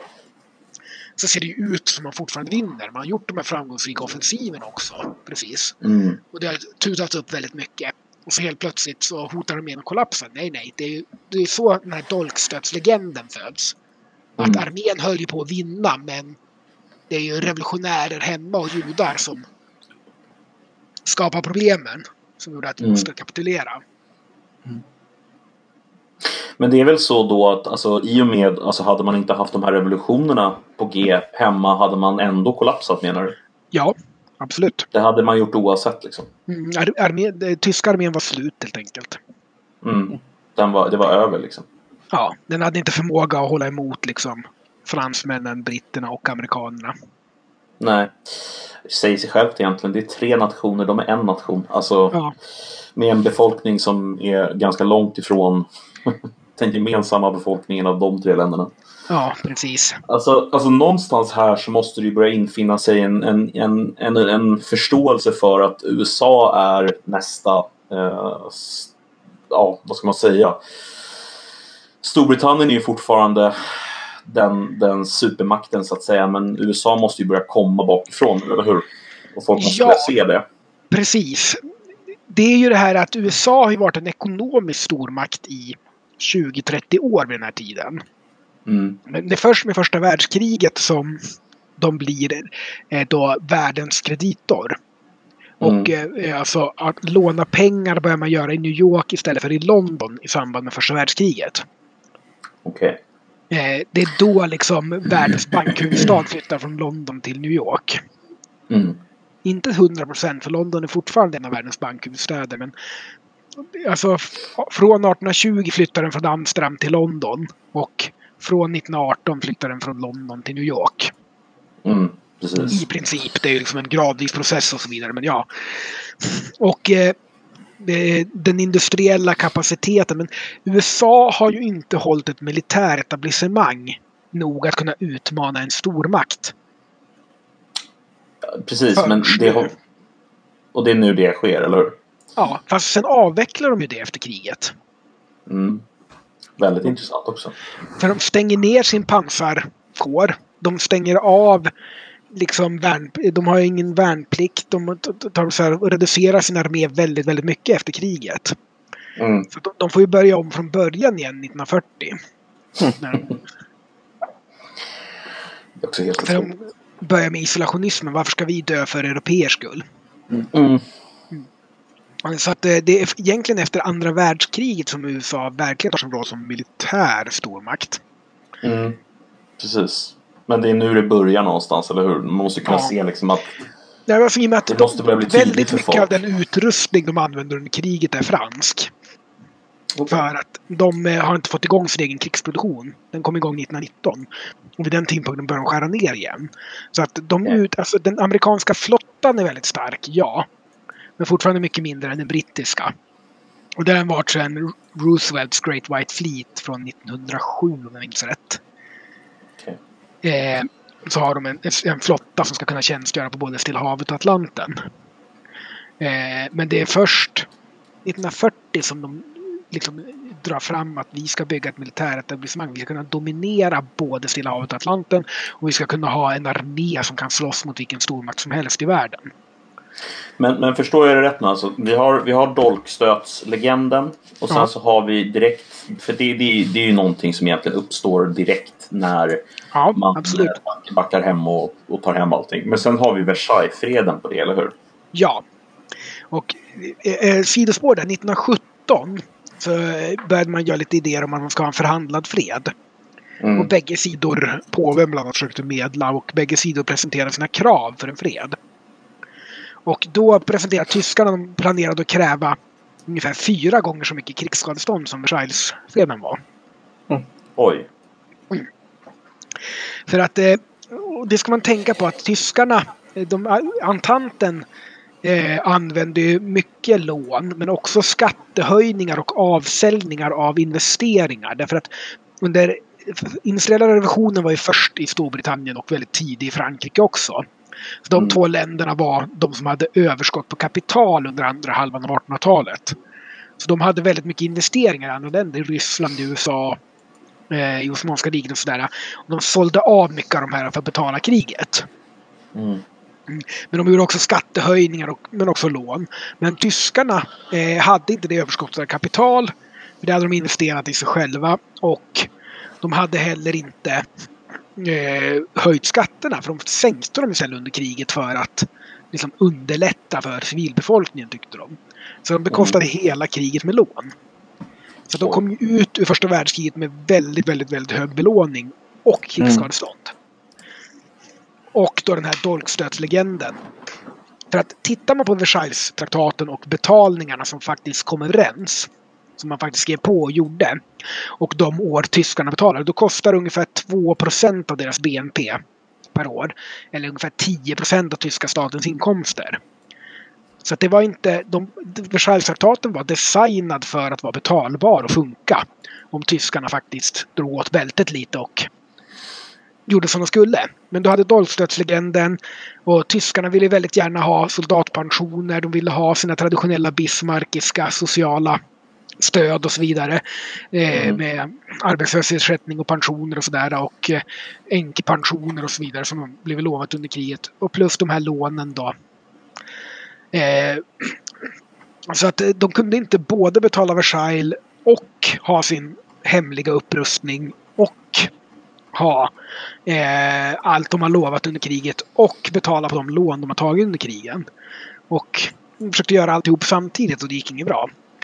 Så att då valde man politiker som vägrade betala Versailles och då fick man hyperinflation och så vidare. Mm. För man ska inte glömma att tyskarna la 4% av BNP per år på militären innan kriget. Så att, Det är innan kriget. ja, precis. Så att, eh, att lägga 2 för då fick de inte ha militär alls på samma vis enligt Versailles. De fick ju bara 100 000 man. Ja. Så att lägga 2% av BNP på eh, krigsskadestånd när du har sparat 4% eller kanske 3,5 på militären borde inte vara omöjligt. Men så det, det finns en kombination alltså egentligen utav en, man känner sig förnedrade, man känner sig, man känner sig eh, ja, Förrådda. förrådda. Eh, och, och det här är någonting som stora lager i samhället känner. Utan det här är ingen Ja. liksom... Precis. Och det är delvis därför att eh, man har en ganska effektiv propaganda hemåt med kurerad information hur det går. Det är ingen som tror att armén är nära kollaps 1918. Den står ju fortfarande besegrat, besegrat Ryssland och står långt inne på fiendeterritorium och har nyss gjort en stor framgångsrik offensiv. Ja precis. Men den har slagit sig så trött så att den inte kan fortsätta. Ja. Eller ja, fransmännen då framförallt, men också britterna, kanadensarna, amerikanerna har ju under 100 dagars offensiven fullständigt ja, tryckt tillbaka den och slitit ut den. Mm. Mm. Ja. Det, det... Alltså... Vi kommer ju komma in på det sen när vi, när vi går in på andra världskriget och så vidare. Men det, det är ju verkligen... Och du har ju sagt det själv också att man kan se första världskriget och andra världskriget som en enda lång period av Ja. krig. eh, Med, med, med, med ett avbrott däremellan. Eh, Precis.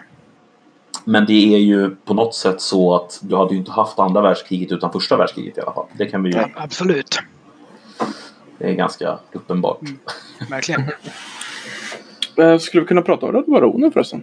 Innan vi Det kan vi göra. Vem var det? Varför är han? Eh, Manfred von Richthofen var en tysk kavallerist som sadlade om till flygvapnet 1915 om jag minns rätt. Och hade ganska stor talang för det och var väldigt hänsynslös. Eh, doktrinen att sikta på piloten och missa honom inte. var bästa sättet att skjuta ner fiendeplan. Mm. Eh, och var även innovativ med eh, den flygande cirkusen när de flög i större formationer. Då. Och när fienden flög i tre eller femplansformation så flög de i 30-plansformationer.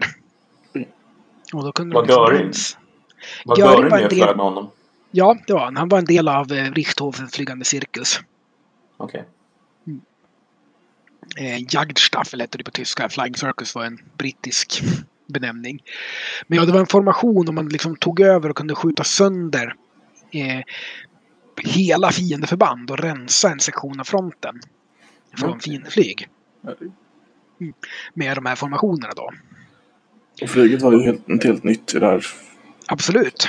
Det började ju väldigt tidigt med att eh, det fanns ju en rysk pilot som använde ankare som stridsmedel.